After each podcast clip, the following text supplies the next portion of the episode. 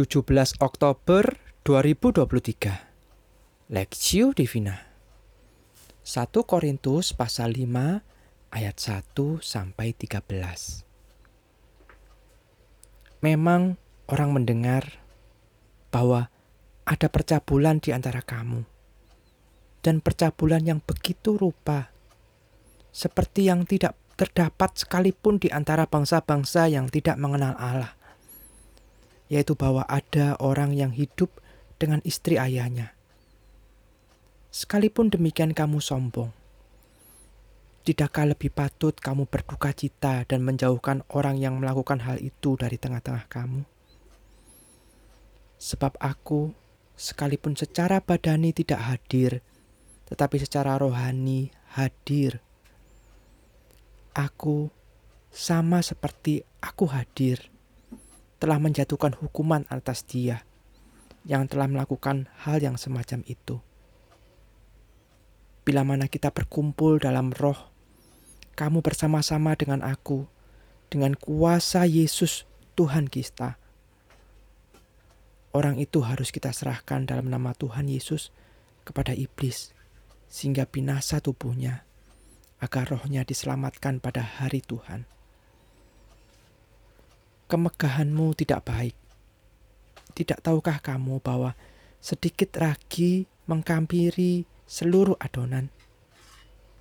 Buanglah ragi yang lama itu, supaya kamu menjadi adonan yang baru. Sebab kamu memang tidak beragi. Sebab anak domba pasca kita juga telah disembeli, yaitu Kristus. Karena itu, marilah kita berpesta bukan dengan ragi yang lama, bukan pula dengan ragi keburukan dan kejahatan, tetapi dengan roti yang tidak beragi, yaitu kemurnian dan kebenaran. Dalam suratku yang telah kutuliskan kepadamu, supaya kamu jangan bergaul dengan orang-orang cabul. Yang aku maksudkan bukanlah dengan semua orang cabul pada umumnya dari dunia ini, atau dengan semua orang kikir dan penipu atau dengan semua penyembah berhala. Karena jika demikian, kamu harus meninggalkan dunia ini.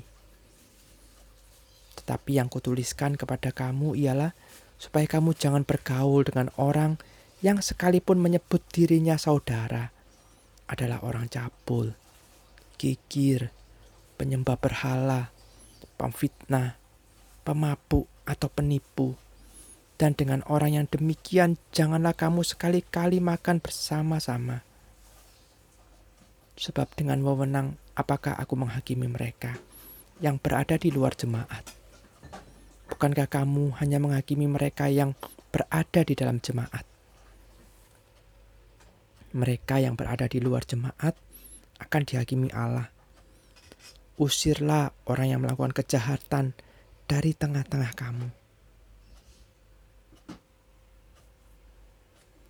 masalah moral dalam jemaat perspektif. Buanglah ragi yang lama itu supaya kamu menjadi adonan yang baru, sebab kamu memang tidak beragi. 1 Korintus pasal 5 ayat 7. Kita hidup di zaman yang semakin bobrok moralitasnya. Keluarga saling bertikai, sahabat saling bunuh, rekan kerja saling merugikan, kehamilan di luar nikah, pacaran tidak kudus, dan perselingkuhan di mana-mana. Celakanya, orang percaya juga melakukan hal yang sama. Hari ini banyak gereja lebih suka berkompromi terhadap dosa, sehingga kehidupan orang percaya lambat tahun tidak beda dengan kehidupan dunia. Disiplin dan teguran kepada jemaat yang berdosa adalah hal yang Tuhan kehendaki untuk menjaga kekudusan kesaksian gereja Tuhan. Paulus di sini menegur keras kehidupan orang-orang percaya di kota Korintus. Mereka mengakui percaya, namun hidup dalam ketidakkudusan, percinahan, dan imoralitas. Ayat 1 sampai 2. Melihat semua itu, Paulus tidak diam. Paulus menegur dengan keras oknum-oknum yang melakukan. Bahkan Paulus tidak segan mengatakan agar orang percaya menjauhi orang cabul, kikir, penyembah berhala, pemfitnah, pemabuk, atau penipu. Ayat 11. Dan jika ada orang yang berbuat demikian di tengah jemaat, Paulus menyuruh orang percaya untuk mengusir mereka pergi dari kumpulan umat. Ayat 13.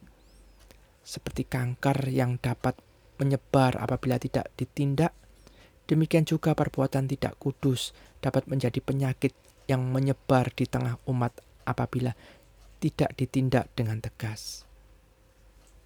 Di zaman ini, gereja Tuhan harus belajar melakukan disiplin kepada orang percaya. Karena teguran dan disiplin adalah cara Tuhan mendidik umatnya dan melindungi kekudusan tubuhnya, yakni gereja. Pernahkah kita menyadari bahwa gereja yang berkompromi dengan dosa cepat atau lambat akan menimbulkan kesaksian gereja bagi dunia ini? Karena itu, perlu menyadari bahwa Yesus memang menerima orang berdosa, namun Ia juga melayani mereka dengan latar belakang mereka. Ia juga mengajar, menegur, dan membangunkan mereka maka kita sebagai gereja, kita juga menerima orang berdosa, namun tidak boleh membiarkan dosa mewarnai kehidupan gereja Tuhan. Studi pribadi, apa yang Paulus ajarkan tentang kehidupan orang percaya kepada jemaat Korintus? Adakah kita rindu untuk menjaga kekudusan hidup bersama para pemimpin gereja Tuhan, sehingga mewarnai kehidupan bergereja yang baik dan sehat?